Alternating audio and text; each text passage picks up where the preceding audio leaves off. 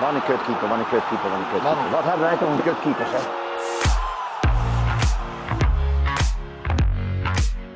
En Sinister the penalty. Ja! Van de Sar saved it. United again. Maar Drommel pakt hem en hij pakt op de rebound. André Onana. Onana. Welkom bij de Showkeepers, de podcast eh, over de belangrijkste positie eh, in het veld. In samenwerking met FC Afkikken en keepershandschoenen.nl. Mijn naam is Harm Zijnstra en tegenover mij zit wederom Arjen Heerland. Goedemorgen. Goedemorgen voor ons. eh, en we zijn absoluut gek van keeper. Vanaf de doellijn praten we hierbij over verschillende keeperskwesties. En dat doen we iedere podcast met een gast. Eh, en deze keer, ja, ik mag hem bijna wel de godfather noemen van het keeperstrainersgilde in Nederland. Frans Hoek, welkom. Dankjewel. Mooi dat je er bent. En eh, ja, met jou gaan we het hebben over eh, ja, het visie op, eh, op keepers opleiden. over het werk als keeperstrainer. En ja, eigenlijk zien we wel een beetje waar het gesprek heen gaat leiden. En ja, wellicht de toekomst van, van het keeper. Hoe ziet, dat, hoe ziet dat eruit? Maar allereerst Frans, jij hebt natuurlijk zelf ook een achtergrond als, als keeper gehad eh, inmiddels. Je bent zelf nu niet meer actief natuurlijk. Kun je daar een, klein beetje achtergrond bij geven? Ik heb iets gevonden over Always Forward en eh, FC Volendam. Ja. Ja, ik denk dat we nog verder terug moeten. Ja, zit er ik nog heb wat wat voor? podcast natuurlijk van jullie eh, geluisterd en eh, daarin kwamen een aantal dingen aan de orde. Ehm, ik ga eigenlijk terug naar judo. Dat ik drie, vier jaar was, was, waren de vechtsporten eigenlijk de hoofdmoot in het gezin waarin ik ben opgegroeid. Mijn vader was een bokser. Hm. En mijn broer was een eh, hele talentvolle judoka. Ik ben een jaar of zeven, acht jonger dan hem. Dus ik ben eh, begonnen met judo op mijn vierde. Dus je kon altijd tegen hem eh, goed sparren. Ja, maar dat was natuurlijk geen partij. Nee. Dus, maar ik ben vanaf mijn derde, vierde begonnen met judo. Toen de tijd was het ook een hele populaire sport. Dat had te maken met Anton Geesink, Ja. 1964, eh, Tokio, Olympische Spelen. Dus daar ben ik in opgegroeid. Eh, het voetbal was eigenlijk alleen straatvoetbal. En op dat moment kon je pas eh, lid worden van een club als je tien jaar oud was. Dus judo, ik heb eh, zwarte band gehaald. Ik was een redelijk talentvolle judoka, omdat ik toch wel bijna alle wedstrijden won die er eh, gehouden werden. Tot welke leeftijd heb je... Nou, ik heb tot 12 jaar eigenlijk intens aan judo Zo. gedaan. En dan ook al zwarte band. Zwarte band, ja, dat is wel wat, wat, Ja. wat, wat uniek in die zin. Dus dat is eigenlijk mijn eerste achtergrond. Vervolgens ben ik, ja, net als eigenlijk iedereen gaan voetballen op mijn tiende. Dat mocht daarvoor niet, ja, op straat. Ja. Dus de opleiding op straat gehad. En dat was op zich natuurlijk ook bijzonder. Ehm, op mijn tiende ben ik gaan voetballen bij Alversvoort inderdaad. En toen hoopte ik dat ik in het doel zou komen te staan. Dat had natuurlijk een affiniteit met judo. Hè? Vallen, duiken, zweven en noem maar op. Dus die voorliefde was er al een klein Dat beetje. was daar wel. Hm. En eh, ik weet me te herinneren dat... eh, ik- dan moest je naar opstellingen kijken bij een sigarenmagazijn. Dat was de manier waarop het ging. En ik stond rechts buiten. Dus dat was voor mij wel iets wat teleurstellend. Want ja, ik had eigenlijk wel willen keepen. Maar goed, eh, ik ben gaan voetballen. Vervolgens ben ik dat jaar daarna wel in doel komen te staan.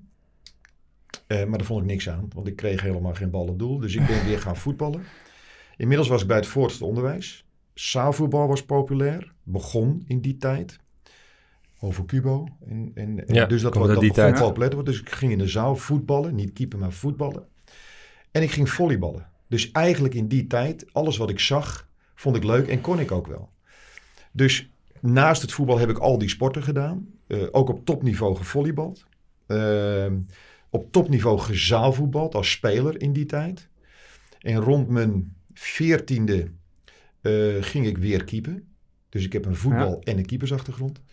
En op dat moment eh, kwam ik per ongeluk in het eerste van Always Forward, senioren. De keeper die daar speelde, die zijn vrouw die moest bevallen van een kind. En precies op dat moment, op die dag. En de trainer van het eerste elftal had mij zien spelen met de B-junioren Ja.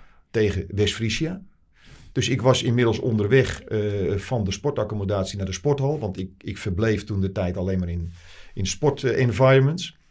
En toen werd ik gehaald door de verzorger. Dat was ook de plaatselijke drogist. En die zei, eh, ja Frans, die trainer wil dat je naar het eerste komt. Nou, ik dacht, dat is een geintje. Ik kon geen de lat aanraken. Maar goed, het was dus wel waar. Toen heb ik dus die wedstrijd gespeeld, een helft.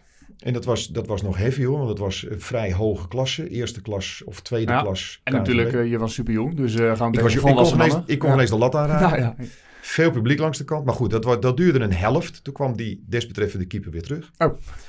Eh, maar die trainer zei, ja, ik wil je wel graag bij het eerste en tweede houden. Nou, dat is ook wel gebeurd. Daardoor kwam er eigenlijk aandacht van betaald voetbalclubs. Dat is ook natuurlijk bijzonder. Ja. Ehm, en vervolgens ja, waren er een aantal clubs die, ja, die hadden wel interesse in mij. Ik had eigenlijk alleen interesse in AZ. Dat was op dat moment de club in de buurt. Eh, een wedstrijd gespeeld, doorgegaan, nog een wedstrijd gespeeld. En daar werd ik afgewezen. Door mijn latere mentor Jo Brandt op het CIO's onder andere. Ja. Dus daar moest hij al met wat teleurstellingen omgaan. In ieder geval, eh, vervolgens waren er nog wel een aantal alternatieven. En ik heb toen gekozen voor Volendam, omdat die, ik, inmiddels eh, ging ik naar het CIO's. Alleen ja, dat was financieel gezien niet echt haalbaar voor het gezin waarin ik, eh, waarin ik eh, opgroeide. En Volendam wilde daar wel wat in bijdragen. Ja, ja. Ja, vanaf dat moment heb ik me eigenlijk gefocust op het keeper. Dus Volendam inderdaad, 12 jaar. Ehm, en in die tijd Jong Oranje, onder 17, onder 18, allemaal gedaan, behalve niet het grote Oranje. Eh, en bij was het dus voetballen en keeper inderdaad. Dat zijn de twee clubs geweest waar ik gespeeld heb. Ja. Is dat het, ik zit even te denken, is dat ook het fundament geweest voor hoe jij ehm, keeper hebt ervaren? Eh, met de achtergrond in judo, in volleybal, eh, als veldspeler. Was jij, was jij in die tijd ook al een hele moderne keeper? Nou, dat is een hele goede vraag en, en, en, en opmerking die je maakt. En eh, eh, daar komt nog eens bij overigens dat ik natuurlijk op mijn 16e naar de CIO's ging. Wat Ja, ook nog een sport, jong was. sportbreed. Sportachtergrond, op- klopt. Eh, ik heb daarna de acte, onderwijsakte J gedaan om op school les te mogen geven. Daarna Academie voor Lichamelijke Opvoeding. Ja. Dus het is een lange weg geweest naar het hoogste sportniveau wat je eigenlijk in Nederland hebt. Gekoppeld daaraan natuurlijk heel veel ehm, eh, cursussen daarna nog gevolgd. Ik denk dat je nooit uitgeleerd bent. Dus bij elkaar eh, is dat natuurlijk een andere achtergrond als dat je alleen keeper bent geweest. Ja, bijvoorbeeld. Dus ik ben het helemaal met je eens. Het is een hele brede achtergrond. Ik heb ook gewoon mijn coachdiploma's gehaald. Ook al tijdens mijn CIO's-periode. Dus dat betekent dat de manier waarop je naar dingen kijkt, en in dit geval naar keepen, is anders. En ja, ik was eigenlijk een, een wat eh, type jongbloedkeeper. Hoewel, eh, in die tijd hadden we natuurlijk geen terugspeelbal, et cetera. Nee, precies. Dat Dus was dat nog ik- geen factor in Klopt. het voetbal. Vind ik heel jammer, tot op de dag van vandaag. Ja. Daar Want had ik jij al enorm voordeel mee gehad natuurlijk. Ik had daar heel graag met die Ja. terugspeelbal gespeeld. Ja. Maar dat heeft inderdaad wel een enorme invloed op denken eh, over de dingen die je doet. Dat klopt. Ja, dat kan me wel eh, kan me voorstellen. Daarna inderdaad 12 jaar eh Volendam. Tot, Ik vind trouwens, even één dingetje tussendoor. Ik heb, ehm, denk anderhalf jaar geleden van eh, René Wormhout die ASM-opleiding eh, gehad. Ja. Eh, en eh, ja, dan ga je dus ook in op andere sporten buiten die dingen om. En eigenlijk alles wat daarin wordt aangegeven en gedaan, is wat jij eh, destijds gedaan hebt. Dat vind ik wel heel grappig om te horen. Want dat is nu een moderne opleiding, maar eigenlijk was je toen ook al de tijd ver vooruit. Nou ja, ik, ik, ik hield van sport. En Ja. wat ik zag, kon ik. En ik moet je eerlijk zeggen, ik vond volleyballen leuker dan voetbal. Maar uiteindelijk is dat natuurlijk naar het voetbal toegerold om Ja. verschillende redenen. En eh, ja, ik heb daar natuurlijk geen spijt van, absoluut niet. Maar ik denk ook in heel breed lichamelijk opleiden. Lichamelijk en geestelijk, Ja. ook beide trouwens. Ja, dat helpt iedereen. Ja, nou dat, dat ASM, dat Athletic Skills Model, is inderdaad nu nieuw. Maar in feite is het wel gewoon gestoeld op zoveel mogelijk buitenspelers. Zoveel mogelijk in contact komen met verschillende vormen van bewegen. Ja, ja, en dat is nu misschien gewoon minder. Wordt dat minder, is het minder natuurlijk voor heel veel kinderen dan dat het destijds was. Klopt, ja. Wij speelden natuurlijk altijd buiten. En dan was het Ja. van stoepranden tot bomen klimmen, tot eh, de meest gekke spelen doen. Waar eigenlijk je alleen maar lichamelijk bezig was. Uiteindelijk heeft het je gebracht tot eh, Volendam. Mooi eh, de keuze, omdat ze toch eh bijdroegen aan jouw opleiding. Dat dan de keuze op Volendam valt in die zin. Twaalf jaar Ja. Ongeveer eh, gespeeld. Aantal keer gepromoveerd, aantal eh, naar de Eredivisie. Twee keer gepromoveerd, twee keer gedegradeerd. Dus op de heen en weer, zeg maar, eh, die in Volendam... dat hoort erbij. Hè? Als je Ja. bij Volendam Ja. voetbalt, eh, zeker zo'n periode, dan eh, maak je dat mee. Dan Ja. moet er wel een keer een heen en weer tussen zitten, Ja. inderdaad. Eh, en eigenlijk volgens mij daarna direct zo'n beetje aan de slag gegaan bij eh, Ajax als Ja. keeperstrainer. Maar ik kan me voorstellen dat daar ook nog wel een klein stukje voorgeschiedenis bij zit. Eh, als in, ja, je deed de ALO, eh, of SIOS en daarna de ALO. Eh, gefocust op eh, keeper, keeperstrainer inmiddels al? Was je toen al heel erg actief met andere keepers trainen in de jeugd of Ja, nou, ergens anders? dat is een goede natuurlijk. Er waren toen geen keepertrainers. Hè, de, de ontwikkeling van de keeperstrainer, dat is ook wel natuurlijk wel een mooie. Dat is dat in de tijd dat ik speelde, deed de hoofdtrainer wel of niet iets. De hoofdtrainer was alles. Ja. Die, was, die deed het materiaal, die was assistent, die was wat we nu eigenlijk zien. In zijn totaliteit deed hij alleen. Er waren erbij die zelfs ook masseerden. Dus de trainer van toen was alles. Dus ook in mijn tijd, er was niet echt specifiek keeperstraining of keepertrainers. Ja. Maar in dit geval de hoofdtrainer, dat ik bij Volendam bijvoorbeeld kwam, maar ook al bij jou is voorwaard, ja, die schoten wat ballen. Nou, de ontwikkeling, dat weet je, is daarna zijn er assistenttrainers gekomen. Nou, toen laat die assistenttrainer ook maar wat met die keeper gaan doen, want ja, dat wilden die hoofdtrainers eigenlijk niet. Dat heb ik ook nog wel meegemaakt hè, bij bijvoorbeeld Volendam met Bobby Harms, Ja. die met Leo Benakker kwam. En eigenlijk vanaf het moment dat, dat ik dat specifiek ben gaan doen bij Ajax, toen, dat was de intrede van de keeperstrainer Zeker in Nederland, waarschijnlijk in Europa en waarschijnlijk ook wat verder.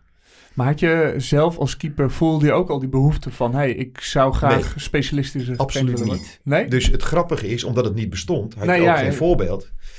Maar wat ik deed was, op het Siers moest ik een werkstuk maken. Nou, en ik was 17 jaar. Nou ja, als je werkstukken moest maken, dan was het waar kan je informatie vandaan halen. Dat zo goed mogelijk opschrijven. En daar ben je er gelukkig vanaf. Ja, Maar daar is het wel begonnen. Want ehm, eh, je moest dus een, een, een, een onderwerp inleveren. Hè, en dat moest dan goedgekeurd worden. Nou, en onder andere Jo Brandt zat in die commissie. Jo Brandt is natuurlijk een hele gerenommeerde trainer. Uit die tijd. Hm. En die zei meteen ja, doen. En ik denk, oké, is- misschien heb je daar een reden voor. Maar op het moment dat ik begon met het verzamelen van, bleek er dus gewoon niks te zijn. Ik zat inmiddels al bij, eh, ik denk, eh UEFA Jeugd. Dus via de KNVB vroeg ik toen, kunnen jullie voor mij andere bonden aanschrijven of ze iets over keeperstraining hebben? Nou, daar kwam eigenlijk niks uit. Er was bijna niks. Dus ik moest zelf informatie gaan verzamelen. Hm. Dus ja, daar is mijn denkproces begonnen. ja. Dus ik werd gedwongen om na te denken over, want ik mocht het onderwerp niet meer veranderen van brand. Dat is uiteindelijk mijn redding geweest. ja ik wou zeggen. Tot op de dag van vandaag. Straks had je gewoon een heel ander eh, werkstuk Klopt. eh, gedaan. Dus ik ben begonnen met eh, onderzoek te doen. En, en ik kwam niet verder dan... Ik ga interviews lezen van keepers die van de laatste tien jaar, of als er wat was. Dus in die tijd had je 1-0 en begon VI volgens mij. Dus ik heb jaargangen daarvan verzameld. Ik ben naar de plaatselijke krant gegaan en heb gevraagd of ik foto's mocht uitzoeken van alle keepers van de laatste tien jaar. Dat mocht. Dus uiteindelijk ben ik met het pakket aan interviews en foto's aan de gang gegaan. En ik weet me nog als de dag van gisteren herinneren. Op oudejaarsavond, mijn ouders waren bij andere mensen, ben ik dus al die foto's in de woonkamer op de grond gaan neerleggen. En ik ben gaan kijken van, oké, zie ik hier overeenkomsten, ja of nee? En daar ben ik stapeltjes van gaan maken. Nou, kortom, dus dat proces, ik moest eigenlijk alles bedenken en verzinnen. Ja. Dus ik heb gewoon het verzonnen. Nou, toen is daar een werkstuk uitgekomen. En dat werkstuk, dat heb ik op mijn manier gestructureerd en in elkaar gezet. En dat ingeleverd. En ja, Jo Brandt was daar eh, met een aantal anderen heel enthousiast over. Ik denk, nou, het zal wel. Maar die hadden waarschijnlijk al in de gaten, ja, er is niks. En er is nu opeens iets. Ja, dit kan wel eens een begin zijn van... Dat dacht hij. En Ja. toen, nou ja, toen na een jaar, toen heb ik een, een, een, een tennisdocentenopleiding gevolgd. Toen zei hij tegen mij, ja Frans, die, die, eh, en hij, kwam, hij werd ook mijn coach hè, bij Volendam. Ja. Hij zei, ja dat werkstuk is al de weg, kun je er geen boek van maken? Ik was 20 of 21, ik zei, boek? Ik heb helemaal geen ervaring of niks. Ja, maar het is wel een goed werkstuk. En nou, toenmalig eh, ging ik heel goed om met Jaap de Groot. Die was dus journalist bij het Noord-Ons Dagblad. Ja. Uiteindelijk is hij bij de Telegraaf gekomen. Toen zei, toen zei ik, nou Jaap, eh, ze willen dat ik een boek maak. Kun je helpen? Ja, natuurlijk. Toen is daar een boek van gekomen. En dat boek heeft wel het een en ander teweeg gebracht. En eh, eh, vervolgens is dat boek ook eh, bij Cruijff terechtgekomen. Ik speelde in 84 tegen Johan met Volendam. Toen kwam hij en liep hij bij me. En er was ook iets van een persconferentie waar ik op was. Want toen had je het boek al uitgebracht. Toen was het boek al uitgebracht. Is Gewoon in Nederland, In, in eh, 81, 82. Ja. En toen kwam hij naar me toe en zei: Ja, ik heb, ik heb dat boek gezien. Oké, ik ben ervan onder de indruk. Ik vind het erg goed. Ik dacht, oké. Dan zegt de grote meneer Cruijff... Juist. Precies. Ja, want het was natuurlijk voor iedereen, ook voor mij, was ja iemand die onbereikbaar was en, en een, en god en een idool en noem maar op. Dus dat zei hij toen tegen me. Ik denk, oké, mooi. Nou, dank u wel, klaar. En toen raakte ik geblesseerd. Ehm, en vervolgens, eh, ja, eh, eh, ging ik me natuurlijk... Ik had natuurlijk al een onderwijs... Ik, ik gaf les op school, dus ik had een baan in het onderwijs. En ik dacht van, nou oké, ik word wel trainer bij een amateurclub. Dat ga ik twee avonden per week doen. En ik ga op zondag eh, de wedstrijd coachen. En dat is de rest van mijn leven. Ja. Dus... eh, Was die blessure zo heftig dat je meteen wist, eh, dit is klaar? nou, die blessure was heftig. Dat was een kruisband. En ik had een half jaar gerevalideerd. En toen kwam eigenlijk naar voren dat ik moest nog wel een operatie ondergaan. En ik had inmiddels twaalf jaar gespeeld bij Volendam. Dus al een aardige carrière. En ik stond op een breekpunt. Of ik ga door met voetbal. Maar voor mij was het eigenlijk op dat moment dat ik dat te horen kreeg, vond ik dat het klaar was. Punt. Ik ga wat anders doen. Ja. Dus het, het was heftig. Had ik door kunnen spelen? Ja, dat denk ik wel. Ja, je hebt gewoon zelf een besluit genomen. Maar uiteindelijk, Ja. ja. En toen zag je dus eigenlijk het toekomstbeeld van... joh, ik ga lesgeven, ik, ga- ik Juist. doe een amateurclub, eh, twee Ja, avonden, dat een weekenddag. denk ik, dat wordt het. Ja. Punt. Maar goed, op datzelfde moment eh, ging Cruijff dus terug naar Ajax als trainer. Ja. En eigenlijk nam hij al vrij snel contact op met me. Ik denk dat het, dat ik was in een afkeuringsprocedure. Hm. Stelde allemaal niks voor natuurlijk. Maar goed, op dat moment was dat wel essentieel. Ehm, en het was, het was september en ik kreeg een telefoontje van Cruijff. Ja, dat op zich is natuurlijk al iets. Ik denk dat is een geintje, er is iemand die enzovoort. Maar, maar hij nodigde mij uit. En hij zegt, nou, eh, ik wil graag met je praten. Wil je komen? Ja, natuurlijk. Dus ik ben toen naar de meer gegaan. Ja, en het feit dat je daar binnen kon rijden, de Oude Meer, dat was al magisch. Ik ben daar als speler geweest, hè, gespeeld. Als je daar binnenkwam, stond je 5-0 achter en je wist niet waarom. Weet je, Ja. je wist niet waarom. En dat gevoel kreeg ik nu weer. Dus ik, ja, en nu werd ik op een, op een andere manier, ik werd ontvangen. Nou, Echt geweldig. Door Cruijff. Eh Spietskoon zat daarbij. Bobby Harms zat daarbij. Cor van der Hart. Dat was ook mijn coach geweest bij, ik denk bij de UEFA Jeugd en daarna ook bij Volendam. Dat is Mickey's opa, toch? Of Ja. niet? Ja. Mickey van Hart, nu Ja. keeper bij Les. Ja, dat is Leg zijn opa aan. inderdaad. Ja. Klopt. En eh, nou ja, ik kwam daar binnen en het, ik kwam gewoon in een warm bad. Het was net alsof ik daar thuis hoorde, dat ik daar nooit weg was geweest. Maar goed, dat, dat gesprek vond plaats. En Johan zegt, ja, wil je de keepers hier trainen? Ik denk, ja, natuurlijk wil ik dat. Dus Ja. het was, dat was op zich een heel eh, eh, eh, leuk gesprek. Dus hij introduceerde mij daar ook bij de trainers die ik natuurlijk wel kende. Liet me een hele hoop dingen zien. En, en uiteindelijk zegt hij van, nou ja, zou je dat willen doen? Ik zei, graag. Eigenlijk ook wel in die zin... Nou, Cruijff staat natuurlijk wel bekend als visionair... maar ook wel van hem visionair... dat hij eigenlijk een positie ontwikkelde die er eigenlijk nog niet was. Ja, je had het boek geschreven en je had een idee daarover... maar ja, een keeperstrainer binnen een club was nog niet echt... eh, Nee, helemaal niks. Dus, en, en het grappige was, hij kwam natuurlijk uit Amerika. Hm. En in Amerika werkte men in het American football en het baseball werkte men met specialisten. Oh ja. En dat idee nam hij mee. En hij had al in zijn staf, volgens mij was Barry er ook al, Barry Hulshoff. Dus hij had al iemand, en Tony, Tony Bruin Slot, die wat meer verdedigend, wat meer middenveld, wat meer aanval. Dus dat idee, daar leefde hij al mee. Dus dat heb je hem ook uitgelegd. En dan zegt hij, weet je hoe je het gaat doen? Ik zei, nee, ik heb totaal geen ervaring. Ik heb nog nooit eh, keepers, ik heb wel eens met keepers getraind, maar Hm. die ervaring heb ik. Dus ik ga, ik ga kijken hoe ik dat doe. Nou, Maar Dus wel zo- direct bij Ajax 1. Dat Meteen wel- bij Ajax 1. Alleen maar bij Ajax 1. Ja. Want dat bestond niet. Dus hij wilde het daar introduceren. Dus nou ja, dat, om, om dat af te ronden. Ik begon daar op het eh, zo ver mogelijk weg van de spelers. Ja. Voor mijzelf. Waarom? Ja, eh, Van Basten, Rijkaard, Koeman. eh, alle grote spelers later, die waren daar. Ja, en ik kwam daar als groentje in dat groepje terecht... waar ik het jaar daarvoor nog tegen ze gespeeld had. Als broertje van Butten, zeg maar. ja. Ja, en ik, ik, ik, moest me daar, en ik moest daar dus wat doen. Nou, ik heb eerst vier weken lang op een ander veld getraind. Met de keepers die ik had. Welke keepers had je? Stanley Menzo, Ja. Hans Gallier, Fred Grim. Ja. Daar heb ik mee gewerkt. Nou, en toen na drie weken, vier weken komt Johan bij. me. We hadden ge- gewoon contact hè, daarover ook. En toen zegt hij, nou, gaat goed hè. Dit, eh, eh. ik, zei, nou, ik zeg, ik vind helemaal niet dat het goed gaat. Hij zei, wat bedoel je? Ik zei, nou, ik kijk naar de wedstrijden. En ik zie daar dat Stanley iedere keer foute keuzes maakt. Hij gaat uit als hij moet blijven. Hij blijft als hij moet gaan.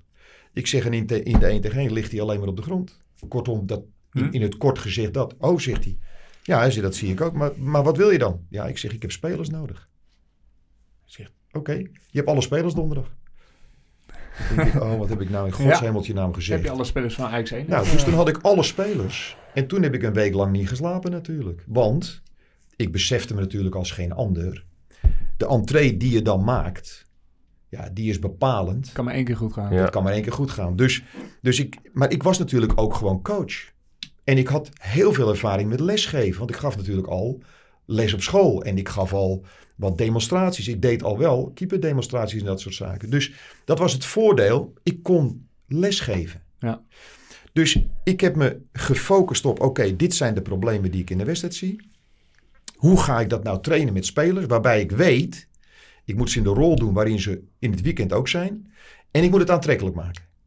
Voor, voor met name Voor spelers. Voor met name spelers. Want als die spelers denken, wat is dit nou voor onzin? ja, we zitten hier eh, Stanley met z'n twintig een Juist, week. dat is onzin. Dus ik, ik heb daar een training gebaseerd op diepte. Dus ballen die achter de verdediging vielen. Dus de samenwerking tussen de keeper en de verdediging. En aanvallers die, nou goed. Dus om een lang verhaal kort te maken. eh, na die training zei Johan, je hebt ze elke donderdag. Ja. Dus daaraan begreep ik wel, hé, hey, hij vond het dus waarschijnlijk goed gaan. Ik heb uitgelegd aan die spelersgroep wat we gingen doen, waarom, et cetera. En vervolgens het trainbaar gemaakt. Nou ja, en, en vanaf dat moment was mij wel duidelijk hè, dat, dat ja, de keeperstraining, ja, dat is toch iets anders dan een paar ballen op iemand trappen. Wat ook mijn hoofdtrainer bij mij deed en, Ja. en wat de assistent deed. En over paaltjes en over poortjes en over weet ik wat. Dus eh, je, je krijgt er een gevoel bij, maar ik kon nog niet helemaal precies de vinger erachter krijgen waarom en hoe. Maar ik wist wel, ja, ik zag een enorme vooruitgang bij Stanley. Ja. En ik zag een stapje. Dus, dus dat was voor mij bepalend. Ik zag opeens dat hij juiste keuzes maakte. Dat hij langer bleef. Dat hij dit. En in het 1 tegen 1 dat hij niet meer ging leggen. En ja, goed. Dus, dus dat is de start geweest eigenlijk. Het is best wel eh, bijzonder eigenlijk dat dat het startpunt is van eh, het vak keeperstrainer eigenlijk. Zoals je hem nu beschrijft van eigenlijk nou, na een paar weken ergens op een veldje achteraf, even heel zwart-wit, eh, behoorlijke integratie in de groep. Want dat toch het vak keeperstrainer nu en de afgelopen jaren toch wel weer een beetje eh, heel specialistisch is geworden. Of tenminste, ja, zo zien we het natuurlijk heel veel voorbij komen. Is van, oké, de keepertrainer werkt met de keepers. Nou, en dan gaan we werken over komt en dan komen de keepers er weer bij. Dat, dat, dat het startpunt toch weer anders is geworden dan... ehm, of dat het start, vanuit het startpunt anders is geëvalueerd, zeg maar, de, eh, hoe de keeperstrainer de rol invult. Hoe kijk je daarnaar? Is dat... Nou goed. ehm, op de eerste plaats is het dus gewoon zo dat. Ja, als je kijkt naar de historie. Dan zie je dus dat ik begon. Was er eigenlijk Dat was niet nog zoveel. niet zoveel. Nee. Punt. Nou, dan zie je, eh, en, en, en mijn eerste doelstelling eigenlijk werd toen, ja, we moeten gewoon aandacht krijgen voor keepers. Hm. Want, want dat is er nog niet. De hoofdtrainer zegt, ja, die keepers die zijn een beetje anders, een beetje raar, Ja. gek. Schiet wel eens wat Daar ballen. wil, ik, daar wil ik eigenlijk niks mee te maken hebben, want ja, daar snap ik ook niks van. En die wereld snap ik niks van. Dus ja, die, die zeiden dit. Eh, vervolgens werd dat dan naar de assistent geschoven. hey, een keeperstrainer, dat is nu de oplossing. Maar men keek niet, wat kan die keeperstrainer? Hoe kan ik dat integreren in de groepstrainingen? Te veel een specialist misschien geworden. Nou ja, maar, maar je moet ook kijken naar eh, eh, hoe wil je spelen? En wat betekent dat voor speelwijze? En wat betekent dat voor de spelers op het veld, dus ook de keeper? En wat betekent dat? Wat moet een keeperstrainer nou kunnen? Wat voor een competenties moet hij hebben Hm? om enzovoort. Dus wat zag je gebeuren? En nog steeds. eh, oud-keepers werden keeperstrainer. Ja. Zonder enige opleiding, zonder enige achtergrond.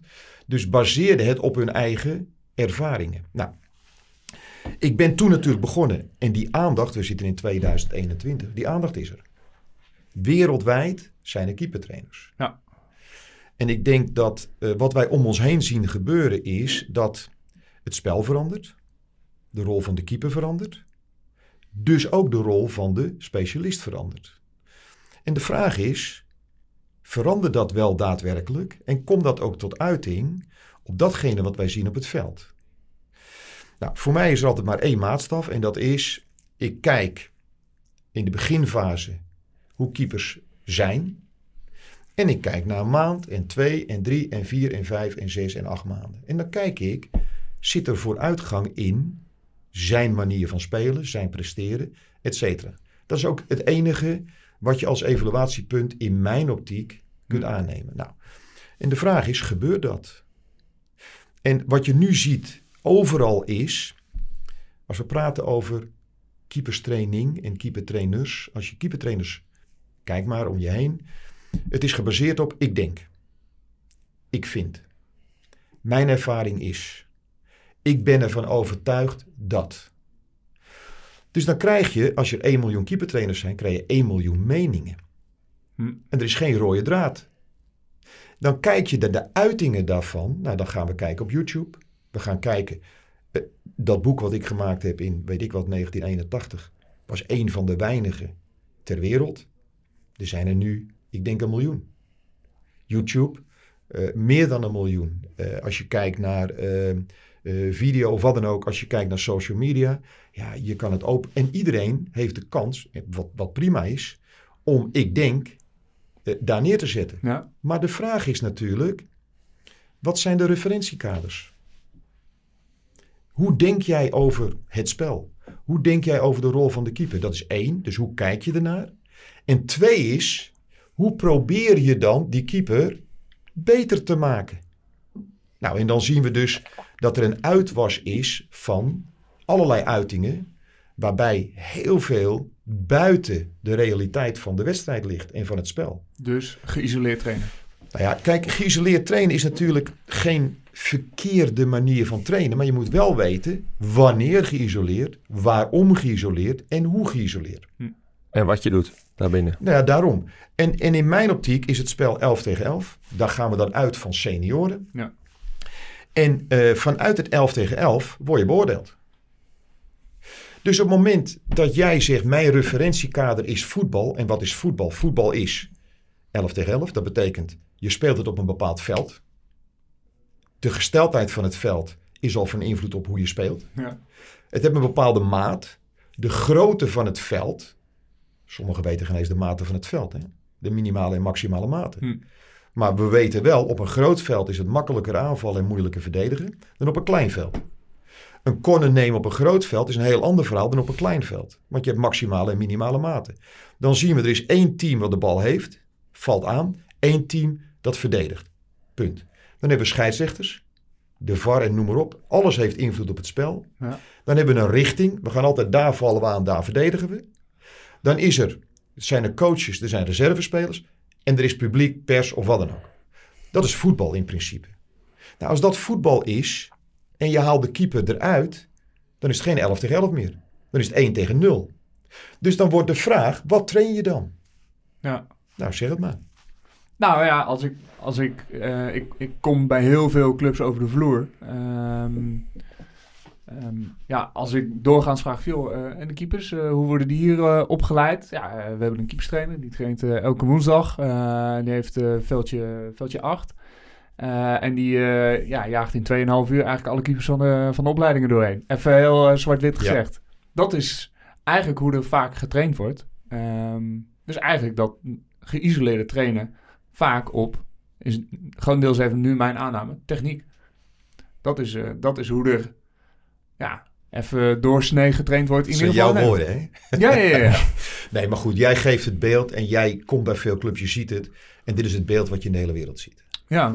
Dus, dus eh, eh, dat, gezegd hebben, dat, dat gezegd hebbende, begrijp jij wel dat er nog een enorm terrein braak ligt absoluut. om daarin te verbeteren. Wat, zou, eh, wat zou jouw ideale... Nou, even als je een, een, een vereniging neemt, dan eh, eh, laten we bij, bij de amateurs beginnen. Ehm, nou, always forward. Als zij... Moet je nou, niet, onder, niet, niet denigrerend over OS voordoen. Dat is een Nee, nee, grootste, nee. grootste jeugdvereniging van Horen, hè? Ja, precies. Maar stel je Toen- komt... toen niet hoor. Nee, toen niet. Nu wel. Maar je komt daar binnen en je, en je, en je zegt, nou, we gaan hier keepers opleiden. Er komen jongens en meisjes de poort binnen en die willen graag keeper worden. Of die, nou, die komen via de rechtsbuiten toch uiteindelijk op de goal eh, terecht. Ehm, hoe, hoe zou je dat... In de zaal speelde ik vanuit de positie laatste man. Nou ja, Dat is ook heel bijzonder, hè? Nou, in de zaal draait het ook behoorlijk door, volgens mij. Daar weet jij nog wel iets meer van. Ja, ja, maar we houden wel vaste posities in principe Ja, ja. aan. Toen meer dan nu, denk ik. Maar goed, toen werd er niet Oh, ja. zoveel, maar nu zeker wel. Ja, maar hoe zou je dat, dat dan, hoe zou je daar invulling aan geven? Zou dat dan nog steeds die woensdagmiddag zijn waar nee, je nee, twee nee. dan... Kijk, het, het- we praten nu... Je moet twee dingen moet je onderscheid in maken. Je praat over het opleiden. Ja. Nou, als ik ga opleiden, moet ik eerst talent gaan identificeren. Nou, dat is al een groot probleem. Mhm. We hebben net even gesproken in de kantine. Eh, als we nou kijken naar Van der Sar. Van der Sar ehm, werd niet gezien als het prototype van de keeper dat op dat moment eh, geldend was. Nee, zeker niet. Dus dan krijg je al, als men een bepaald beeld hebt van iemand, dat men daar dan naar gaat eh, scouten bijvoorbeeld. Nou, de vraag is, moet je gaan scouten naar een beeld wat je van iemand hebt? Hè? Dan praten we in die tijd over Oliver Kaan, over Pieter Schmeichel, over, Ja. over hè, grote, sterke keepers. En dat zou in deze tijd dus misschien even zijn een, een Manuel Neuer om te steken. Bijvoorbeeld. Of, hè? Dat Bijvoorbeeld. dan... Nou, ik denk dus dat je moet gaan kijken naar eh, eh, profielen, naar wat moet iemand kunnen. Hm? Nou, we, hebben- ja, jullie hebben ook eh Kostas hier gehad. Nou, die vindt iedereen te klein. Voor mij bestaat te klein alleen als je niet in staat bent om het te compenseren. Ja. Te lang als je niet in staat bent om het te compenseren. Dit zegt al, als jij met een keeper van 1,80 werkt of van 2 meter 10, ja, dat is duidelijk dat het totaal anders is. En iedereen moet leren, denk ik, dat iedere keeper is uniek. Er is niet één keeper die op een ander lijkt. Hm. En misschien wel uiterlijk, maar kwalitatief bestaat dat niet. Dus je kunt ze ook niet over één kam scheren. Je moet dus in staat zijn om A te identificeren. Nou, als ik het voorbeeld van Van der Sar neem, nou, die was niet erg gewild. Hè, want die had namelijk een postuur wat niet indrukwekkend was, maar geen uitstraling was, wat het ook mogen zijn. Ja, en ik heb net al Ja. gezegd tegen jullie, eh, uitstraling houdt geen enkele bal tegen hoor. Geen één. Dus dat is een heel vaag begrip. Want hij had geen uitstraling dat hij begon. Nee, anti-uitstraling. Daarna kreeg je opeens uitstraling. Nou, dat is niet tastbaar. Daar zal wel iets in zitten, maar het is niet tastbaar. Dus dat is ook lastig. Dus je moet... En, en, en Van der Sar is gescout op wat er nodig was bij Ajax. Nou, op het moment dat je zo iemand eh, eh, laat meetrainen... Ja, de weerstand die er kwam vanuit trainers en vanuit spelers was enorm. Raar. Dus men gaat je beoordelen op hoe je eruit ziet. Nou, dus dat is niet gebeurd. Eh, eh, dus het is identificeren. En dan zie je maar weer iemand die er misschien niet uitziet als het ideaalbeeld. Of eh, misschien er helemaal niet uitziet. Ja, die kan uiteindelijk toch een absolute topkeeper of speler worden. Nou, dus identificeren, dat is één. Op basis van wat je ziet en of mensen graag willen, ga je kijken. Oké, hoe gaan we dat ontwikkelen vanaf ik ben altijd een voorstander geweest. Ik ben ook de eerste die dat altijd geroepen heb. Ik vind niet dat je moet specialiseren tussen 6 en 10. Ja. Niemand weet dan of ze keeper of speler willen zijn. En als het wel zo is, is het een uitzondering. Maar dan moet je ze toch nog laten spelen. Ja. Waarom? Inzicht in het spel. Je, niet, je hebt allerlei kwaliteiten nodig, ook als keeper, eh, die je als speler moet benutten. Dus ik vind tussen 6 en 10 zeker niet specialiseren, zo breed mogelijk. En laten roleren. Ja, is- eigenlijk, dit- eigenlijk ook in lijn met eh, de visie van de KNVB. Nou ja. die we met Erskine hebben... Dat heb ik inderdaad gehoord. Nou, ik Ja. heb dit eh, 20 jaar geleden al geroepen. Ja, Ehm, het is zeker niet nieuw. Nee. Het is eh, absoluut niet nieuw. Maar goed, dat, is- dat is één. Nou, vervolgens ga je dan kijken, oké, wanneer vindt die specialisatie plaats? Want wij weten, tussen 8 en 12 vanuit de ontwikkelingspsychologie is de golden age voor het leren van bewegingen. Ja. Dus het is wel verstandig om daar alvast het een en ander in op te pakken. En het kan zijn iedereen. Want ik heb, ik heb wel eens een aantal activiteiten gedaan waarbij iedereen keeper was. Ja. Achtjarigen vonden ze geweldig. En iedereen speelde, vonden ze ook geweldig.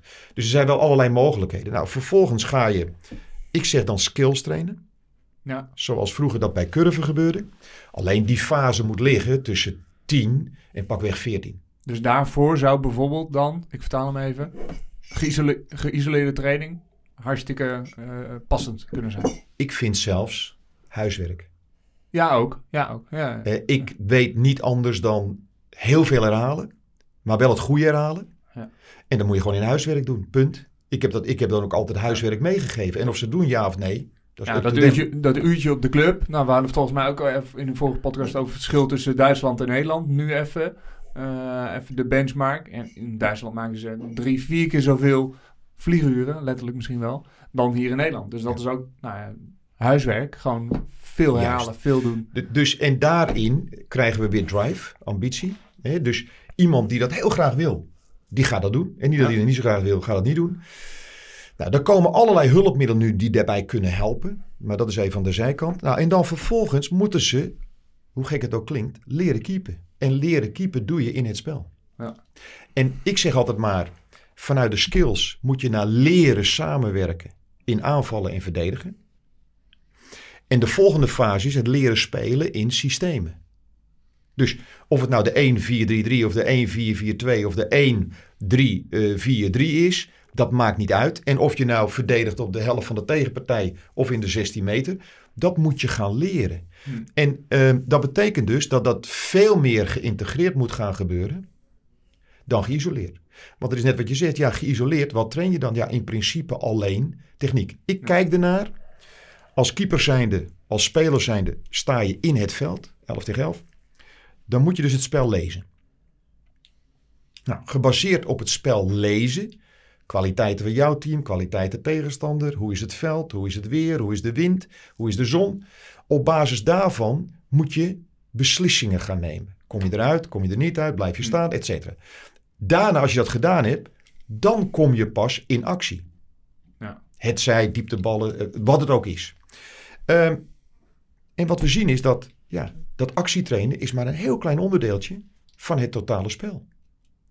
En dat betekent dus, des te vroeger je daarmee begint, des te beter word je erin. En we weten allemaal, ze zeggen keepers worden beter als ze ouder worden. Toch? Ja, vaak wel. Dat is ook, een keeper breekt iets later door, normaal gesproken. En kan iets langer mee, normaal gesproken, dan een veld. Maar wat is de reden, denk je? Ik denk door, door eh, dat hij ontzettend veel wedstrijden speelt en daardoor ontzettend vaak in de situatie komt en daardoor dingen anders gaat lezen en zien dan dat hij net begint. Eens. Maar waarom was Van der Sar 22? Waarom was Valdes 20? En waarom was Pepe Reina 20? Omdat die die situaties van de wedstrijd in de training al, ik weet niet hoeveel keer gezien hebben. Wat je dan dus doet is, je gaat die ervaringservaring in situaties, Hm. ga je vertalen naar trainen. Dus voor mij was het niet de vraag of Valdes en Reina de situaties herkenden. Want die speelden namelijk op topniveau. Als jij elke dag traint met Rivaldo, Vigo, eh, de De Boertjes, eh, noem maar op. Dan, dan, er zijn geen betere. Dus dan train je dagelijks situaties op topniveau. Mijn enige vraag was, hoe reageren ze voor 100.000 mensen? Voor de rest niet. Ja. Dus wat je ziet is, naarmate keepers ouder worden, vraag aan jullie. Worden ze dan fitter of niet? Fitter. Zijn ze fysiek sterker? Ja, als ik er zo over nadenk, denk ik.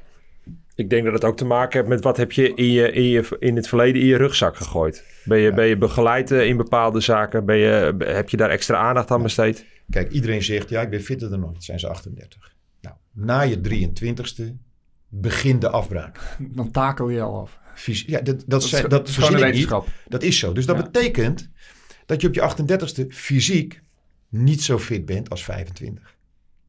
Als 30. Dus de realiteit zegt ons, de keepers worden naarmate ze ouder worden beter, omdat ze het spel beter leren. Ja. Lezen. Maar als je dat kan terughalen door in situaties te trainen, maar niet alleen trainen, hè, je moet het ook coachen. Dus als keepercoach moet je de competenties hebben om dat te kunnen doen. Dus dan is de vraag natuurlijk, hoe kun jij je ontwikkelen als keeperscoach, zodat je ook daar een rol in kunt spelen? Dus als ik hem weer even vertaal zeg maar, naar, eh, naar de amateurvereniging. eh, pak, hem, pak hem bij zeg maar, tot en met 14 jaar keepers trainen op skills. En daarna de integratie in het team. En dan word je eigenlijk meer keeperscoach. Dus dat vraagt ook wat anders van de persoon Ja. die eh, nou, dan even eh, het, Juist. het, het labeltje keeperstrainer Ja, kijk, en heeft. dit is natuurlijk heel mooi dat je dit zegt, want het is zo. Dus dat betekent ook, je hebt bijvoorbeeld keepercoaches, trainers, hè, hoe je het noemt, die heel goed skills kunnen trainen, Ja. maar zien het spel niet. Ja. Dus je krijgt ook je- verschillende niveaus in wie is het beste in welke fase. Dus ik zeg, skillcoaches kunnen soms fantastisch skill trainen, Maar de volgende fase, het leren samenwerken in aanval, dat zien ze niet. Nee. En het werken in systemen zien ze niet. Maar zulke keepers heb je ook. Dat is, of tenminste, dat soms zie je, eh, eh, eh, zie je keepers voorbij komen en denk je, ja, eigenlijk technisch perfect. Alleen, nou, misschien hetzelfde wat Menzo destijds ervaarde, in keuzes maken, in het samenwerken, ja, daar falen ze steeds in. Want nou, wellicht zijn ze daar dus niet goed genoeg in geholpen. Juist. En- En, en jij snapt net zoveel als ik dat hier, de tijden hiervoor, dat die keeperstrainer er helemaal niet was, Ja. dan trainde je eigenlijk alleen in de wedstrijd. Dus train je eigenlijk, Je trainde in de wedstrijd en dan kreeg je, ik, ik weet wel, hè, ik, ik speelde onder Korbach. En, en Korbach die wilde spelen de helft van de tegenpartij. En die zei, ja eh, Frans, jij moet die ruimte daartussen bespelen. Dat, dat, ik, ik denk dat het 879 was. En Jongler was het voorbeeld natuurlijk. Ja. Dus ja, ik had daar per ongeluk, toevallig, heel goed gevoel. Dus ik kon die ruimte bespelen. Maar denk je dat ik er één keer op getraind heb? Nooit. nou niet, niet bewust, maar je deed het wel continu. Nee, maar de wedstrijd was Ja. training. Ja. Dus wat ik eigenlijk doe is de wedstrijd verplaatsen naar de training. Ja. Maar is het Maar- daarmee een goede ontwikkeling geweest dat, al die, dat de specialist keepers trainer er is gekomen? Want, want eigenlijk trek je daar steeds meer de keeper dus uit de wedstrijdsituatie in training. Dat is de interpretatie die men eraan gegeven heeft. Ja, precies. En daarom zeg ik ook, ik denk dat ik daar mede verantwoordelijk voor ben. Dus de aandacht is er. Ja. Dus mijn volgende stap is uiteraard om nu die aandacht meer richting kwaliteit van het keeper. Zowel naar de hoofdcoach. Hm. De hoofdcoach kan niet meer zeggen, ik wil niks van eh, met die keeperstrainer te maken hebben. Want Ja. we zien dat hij een ongelooflijk belangrijk onderdeel is Ja. als we kijken naar City met, met Pep, hè, eh, ook een van m- mijn ex-spelers. In de opbouw is hij daar zo belangrijk. Je kan het niet meer loskoppelen, gelukkig. Je kan het überhaupt niet loskoppelen, maar dat zijn mooie voorbeelden. Ja. Dus wat jij nu aangeeft is exact de weg die we nu moeten inslaan. Dat betekent, hoe ziet het spel eruit? Referentie, wat is voetbal? Wat is de rol van de keeper in aanvallen, verdedigen, omschakelen naar aanvallen, omschakelen naar verdedigen, spelhervattingen? aanvallen, verdedigen, Ja. omschakelen. Wat is de rol van de keeper daarin? En hoe kan ik hem daarin beter maken? Dat betekent dus, de hoofdcoach moet beïnvloed worden. De assistentcoach moet beïnvloed worden. En de keepercoach moet beïnvloed worden. Want Hm. je kan, wat je heel veel ziet is, keepercoaches denken vanuit de keeper naar het team. Nee, je moet vanuit het team naar de keeper denken. Dat is totaal omgedraaid. Dus je moet ook andere competenties hebben. Vandaar dat mijn achtergrond is anders. Ja. Want ik ben eigenlijk voetbalcoach. En vanuit voetbalcoach ben ik specialist geworden. ja, dat is misschien nog wel eh, nou, eh, de mooiste one-liner even. Je moet vanuit het team naar de keeper denken, niet Juist. vanuit de keeper naar het team. En, en Daar luister, zit het, ja. ik kan dit zeggen. Ik heb alle fouten gemaakt die er zijn. Ja, nou, ja. Meer dan wie ooit zal maken. Maar ik heb wel iedere keer gereflecteerd en gekeken hoe kan dat beter en hoe kan dat anders. En ik ben ook begonnen coach gecentreerd. Dus dat ik bij Ajax kwam was ik alleen maar aan het overleven. Hm. In de zin van oké, ik wil hier wel overleven. Dus dat was helemaal niet naar de keeper gecentreerd. Het was naar, naar mij. Ik moest eerst mijn eigen rol vinden. Ik zeg altijd, zes jaar heb ik bij Ajax gewoon de, de hogeschool van voetbal, de universiteit van voetbal meegemaakt. Ik kwam uit Volendam met alle respect, had in de nationale teams gespeeld, maar dat is een hele andere omgeving. Ja. En niemand had het in de gaten, omdat men er niks van wist. Daarna heb ik het gevoel dat ik pas eh, wat heb kunnen toevoegen. Maar ik heb eerst dit ge- gecentreerd, van daaruit keeper gecentreerd en van daaruit team gecentreerd. Maar het moet natuurlijk andersom. Ja. Is dat, is dat de grootste uitdaging die wij eh, nou, die, eh, voor het opleiden en nou, de keepers naar de top brengen? Ik bedoel, nou, de, de keepersdiscussies in Oranje, die kennen we. Eh, en alles wat daar misschien ooit ook nog achter komt. Is dat de grootste uitdaging om... Laat ik een vraag aan jou stellen. Nu ik dit tegen jou zeg, wat komt er dan in jou op? Wat in mij opkomt is dat de, de realiteit heel anders is nu. Nou, dat heb je heel mooi gezegd. Eh, dat betekent dus, ehm, op de eerste plaats is het niet nieuw. Dus je moet mensen die in een bepaalde manier denken op dit moment en handelen, Ja. ja, die moeten hun manier van denken gaan veranderen. Als men het daarmee eens is. Ja. Of de nieuwe generatie trainers, zeg maar, daar ook al natuurlijk van onder Luister, gaan je hebt te maken met degene die er zijn. Ja, zeker. En daar heb je degene die, degene die er komen, is niet het probleem. Hm. Die omarmen dit direct. Nee, wat er is, dat moet je om zien te turnen. zeg Nou ja, in ieder geval moeten ze erover na gaan denken. De hoofdcoaches, die komen, hopelijk, hè, worden die er ook wat beter en meer ingeschoold. Ehm, en dat betekent dat de hoofdcoaches zich er ook wat meer mee zullen gaan moeten bemoeien. Dus ook, hé, hey, eh, ik moet een keepercoach hebben. Waar moet die nou eigenlijk aan voldoen?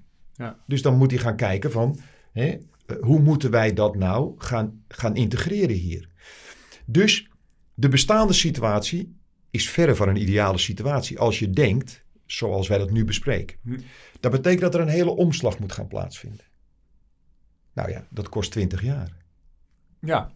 Dus maar ja, ja, zeker. Maar En- goed, dan is de nieuwe generatie inmiddels waarschijnlijk ook al daar. nou, of tenminste de nieuwe generatie is het probleem niet.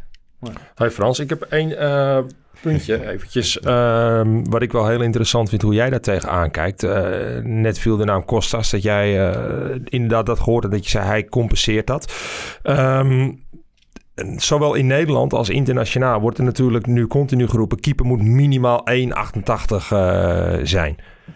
Hoe, Ja. hoe sta jij daarin? Want eigenlijk omdat je net zegt van... joh, Ja. hij compenseert dat... eh, insinueer ik daarin van... joh, eigenlijk maakt je lengte dus niet zo heel veel uit... op het moment dat je... Ik parkeer hem heel even, Arjan, Ja? want ik wil even afmaken van wat is het ideaalplaatje binnen een club waar we het Hm. over hadden. Nou, uiteindelijk moet het eigenlijk zo zijn, dus over de hele linie, want als je in de top het voor elkaar hebt, dan druppelt dat altijd naar beneden.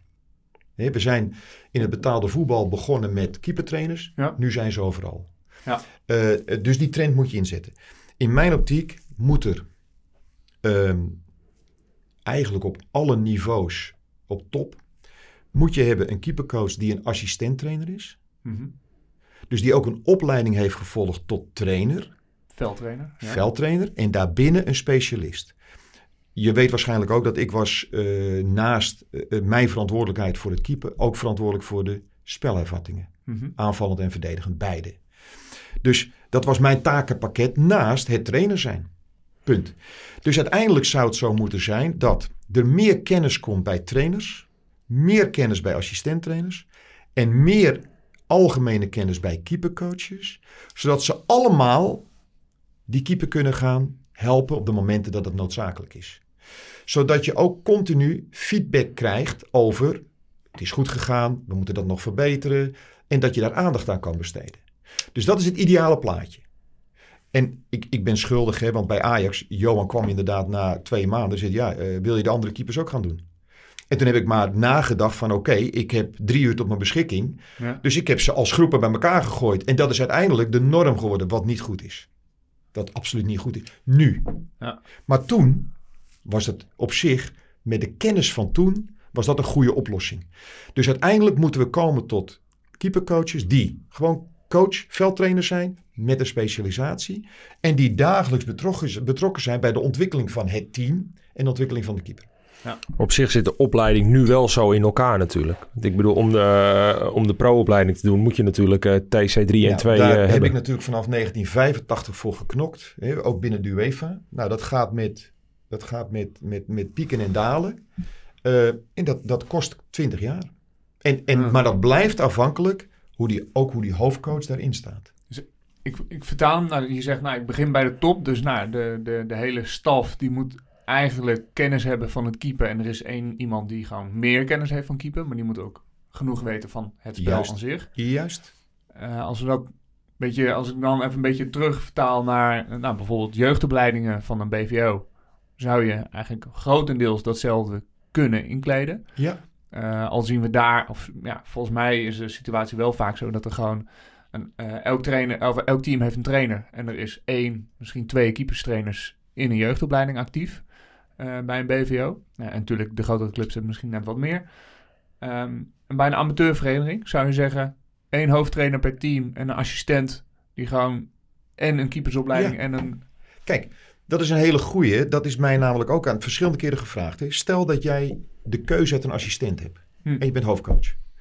Die assistent is assistent specialisatie keeper. Hij is assistent specialisatie periodisering. Hij is assistent en hij is specialisatie spelervattingen. Hm. Nou, ga maar kiezen. Dan moet je als hoofdcoach moet je een keus maken. En ik zou als hoofdcoach de keus, ma- de keus maken. Een gebied waar ik niet zo goed ben, die zou ik kiezen. Ja, aanvullend op je eigen. Juist. En dan ga je altijd eerst uit van het spel. Dus voetbal. In dit geval ook keeper. Hm. Dus dat zijn interessante keuzes die je dan moet gaan maken. Hè? En in de loop der jaren bij Ajax ben ik dus ook met de jeugd meer... Kijk, je moet je realiseren. Ik praat over 85 tot en met 97. Ja. Ik was part-time keepercoach bij Ajax. Mhm. Ik was er twee dagen per week plus de wedstrijddag. En ik deed alles. Ja. Dat kan eigenlijk natuurlijk niet. Ja, dat kan wel, want zo was de situatie. ja, Als je nu kijkt hoe de organisatiestructuur keeper bij Ajax is, is dat een heel andere. Ja. Maar dat wil niet zeggen dat je dan ook meteen daar succesvol in bent. Want het feit dat je met meer dan één bent, betekent dat je moet samenwerken. Dat betekent dat je eh, overeenstemming moet bereiken over wat is onze visie op keeper, wat hebben we nodig. En vervolgens, hoe gaan we dat in de praktijk trainbaar maken? Daar zie je dus ook dat er heel veel verschillende meningen en weet ik wat zijn. Nou, dus het maar dat feit is dat op je... zich ook goed, toch? Dat, dat, dat brengt je ook iets. Tuurlijk, je moet wel de, dezelfde richting allemaal opgaan. Uiteindelijk, breng, het brengt je, als jij tien jaar later kijkt en je kijkt welke keepers hebben wij opgeleid voor het eerste elftal van Ajax. Ja. Punt. Er is geen andere evaluatiemoment. Nee, nee, eh, absoluut. Toch? Ik ben, daar, daar doe je het voor. Ik bedoel, je, Dus- je leidt op voor je eigen... dus- Het is heel goed dat je verschillende invalshoeken hebt, maar uiteindelijk moet het wel tot een resultaat leiden. En het resultaat is, en dat moet je ook van tevoren vastzetten.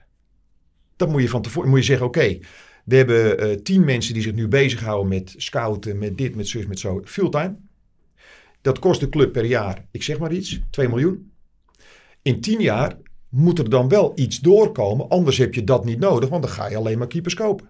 ja, Dat kan ook. dan kost het... En het opleiden kost geld, levert niks op. En een keeper die je Ik, ik ben nu zwart-wit, hè, maar je snapt wat ik bedoel. Want we praten wel over, eh, eh, over een enorme professionele environment. Waarin uiteindelijk je wordt afgerekend op de resultaten. Dus er is een hele andere dimensie ontstaan. En dat wordt natuurlijk interessant. Nou goed, even door naar eh, Arjan. Ehm, eh, uiteindelijk gaat het erom hoe lang, hoe klein, hoe dik, hoe dun, hoe noem maar op wat je ook bent. Ik wil uiteindelijk zien eh, wat jouw. Kijk, voor keepers geldt het volgende. Wat is de bijdrage van een. In mijn optiek, hè? Wat is de bijdrage van een keeper. gezien over een seizoen. aan winnen verliezen van een club? Dus een keeper verliest wel eens een wedstrijd voor je. Hè? Nou, dan moet je geluk hebben dat het geen belangrijke wedstrijd is. Eh, hij wint wel eens een wedstrijd voor je. Maar wat je uiteindelijk naar zoekt is een keeper die geen punten verliest voor je. Dat is al een hele goeie. En als hij dan nog gaat winnen, ja, dat zijn de absolute toppers. Zo moet je uiteindelijk gaan kijken. Mhm. En dat kan zijn invloed bij aanvallen, hoe je opbouwt. Want als jij dus de bal telkens naar de goede kleur speelt, dan krijg je minder verdedigende acties. Dat is het idee ook bij City. Als, als die Ederson maar genoeg eh, ballen naar de goede kleur speelt, dan krijgt hij minder verdedigende acties. Hoeft hij minder te keeper. Juist. Dus, dus hoe doet hij dat in aanvallen? Als jij elke bal aan de verkeerde kleur geeft, ja, dat is niet goed voor City bijvoorbeeld in dit geval. En daarnaast ga je kijken naar verdedigende acties. Maar ook coaching. Dat is onmeetbaar.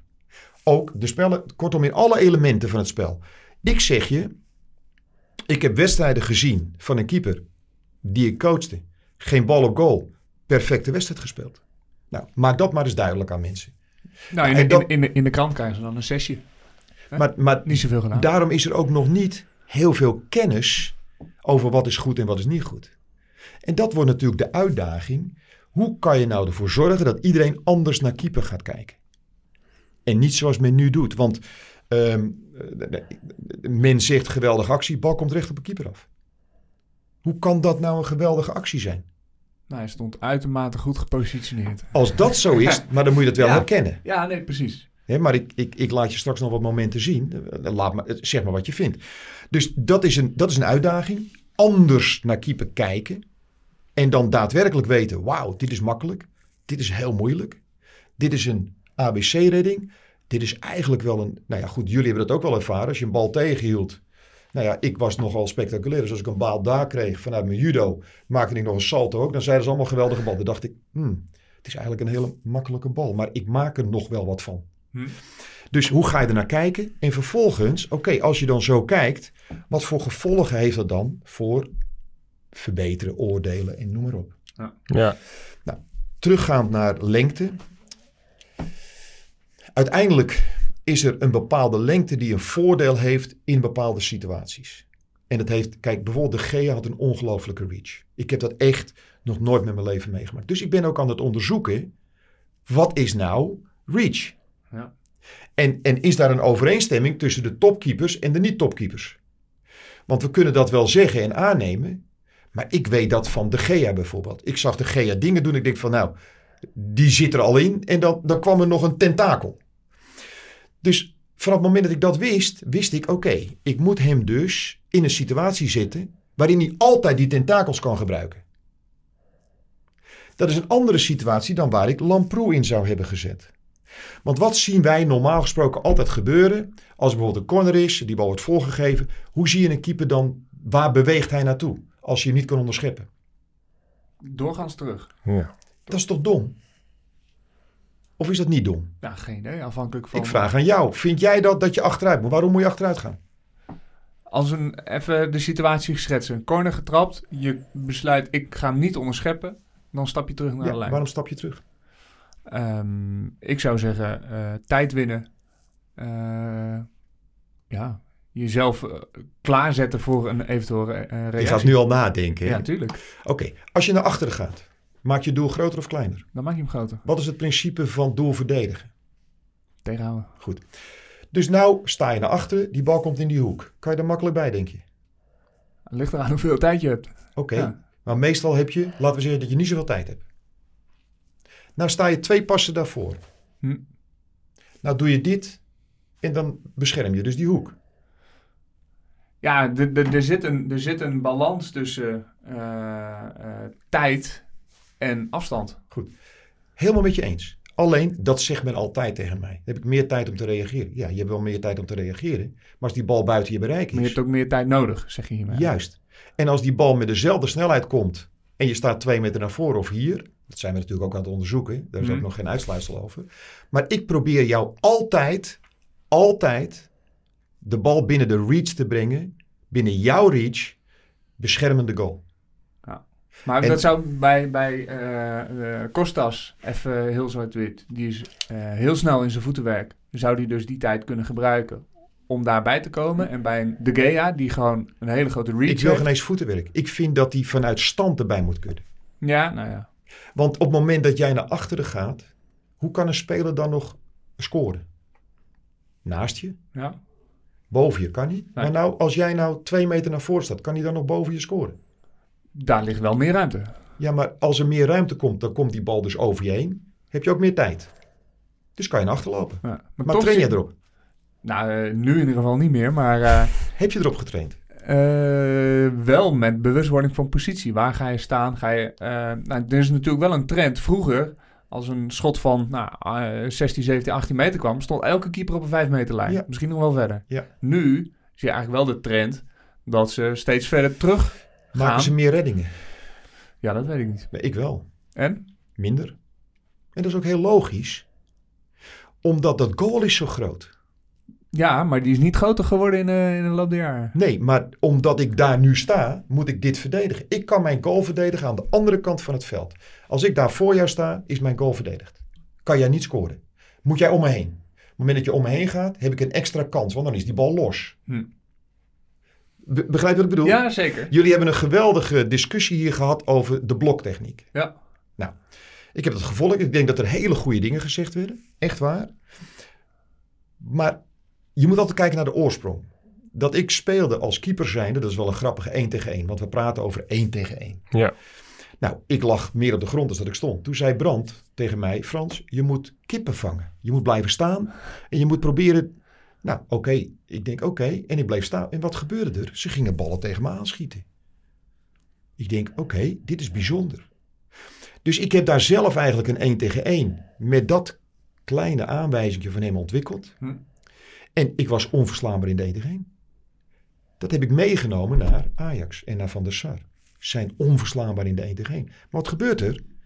De spelers ontwikkelen ook door. Die gaan we iets nieuws verzinnen. Dus ik begon, weet je wel, met lager te staan, handen aan de zijkant. Nou, dat deed men allemaal lacherig over. Hè? Maar goed, ik begreep wel, ja, als ik zo sta, dan kan die bal er dus bij mij niet in. Wat deden de spelers? Die gingen de bal door de benen spelen. Want dat was de enige ruimte die er was. Toen ben ik begonnen met de GEA en gezegd van oké, daar moeten we iets op vinden. Dus ik ben gaan testen of de handen, of je die voor zijn, of je daardoor zijn benen kon dichtmaken, ja of nee. En zo zijn we ook bij die bloktechniek gekomen, die hij natuurlijk ook al wel wat had toegepast. Hij heeft een achtergrond in de zaal. in de zaal. toch? Nee, Ja. dat klopt. Ja. Maar we zijn daar gewoon mee aan de slag gegaan. Nou, uiteindelijk bleek dus, ja, bij hem werkte dit. Nou, vervolgens heb hij, als je kijkt naar die seizoenen dat ik er gezeten heb, heb hij 101 tegen 1 gehad. Waarin hij op het juiste moment, op de juiste positie het toepaste. Niet te vroeg, niet te laat, juiste moment. En ze schoten hem allemaal tegen hem aan. En wat zie je dan gebeuren? Dan gaat de rest van de wereld, kijk daarna, gaat het overnemen. Totaal verkeerd. Ja, te pas Verkeerde moment. Nou, dat is wel een interessante natuurlijk. Ja, En maar dan krijg je ook wat, ik noem dat vaak het, het YouTube trainen. Ze zien wat, ze gaan dat doen, alleen ze kijken niet juist. naar wat, wat ga ik doen en waarom ga ik het doen. Maar nou wordt dat wel, jullie constateren dat, hartstikke goed. Maar hoe te verbeteren? Snap je? Dus Mhm. dan krijg je de stap naar verbeteren. Nou, dat is het ontwikkelen van ja, kijken naar het spel, kijken wat het spel vraagt. En dat geldt ook hiervoor. Eh, Ik geef je één voorbeeldje hierover. Eh, ik kwam bij, bij, bij, bij United en ik zag dat David ging naar, de, naar, naar, de, naar het krachthonk. Dus oké, daarna ik zei, David, wat doe je hier precies? Ja, ik moet sterk worden, want ik moet eruit komen. En, eh, en eh, ja, dan, eh, ik zeg, oké, wie is de beste in, in Engeland, vind jij het uitkomen? Ja, hij zegt Courtois en Fraser. Oké. Dus ik ga die twee, ga ik de beelden bekijken. Nou, wat zag ik? Ja, Courtois geweldig in het spel. Geweldige kwaliteit. Maar zodra er een corner was, ze bouwden hem in. En hij kon er niet meer uitkomen. Dus in Engeland, ja, die scheidsrechter die doet niks. Ze bouwen hem in. En zelfs, ik zeg, oké, David, kijk. Je ziet het, dit zijn de twee sterkste, de beste. In het spel, geweldig. Maar er zijn niet zoveel voorzetten. Dus ik had natuurlijk ook de statistische gegevens. Ik zeg, eh, en bij de corners, dit gebeurt er.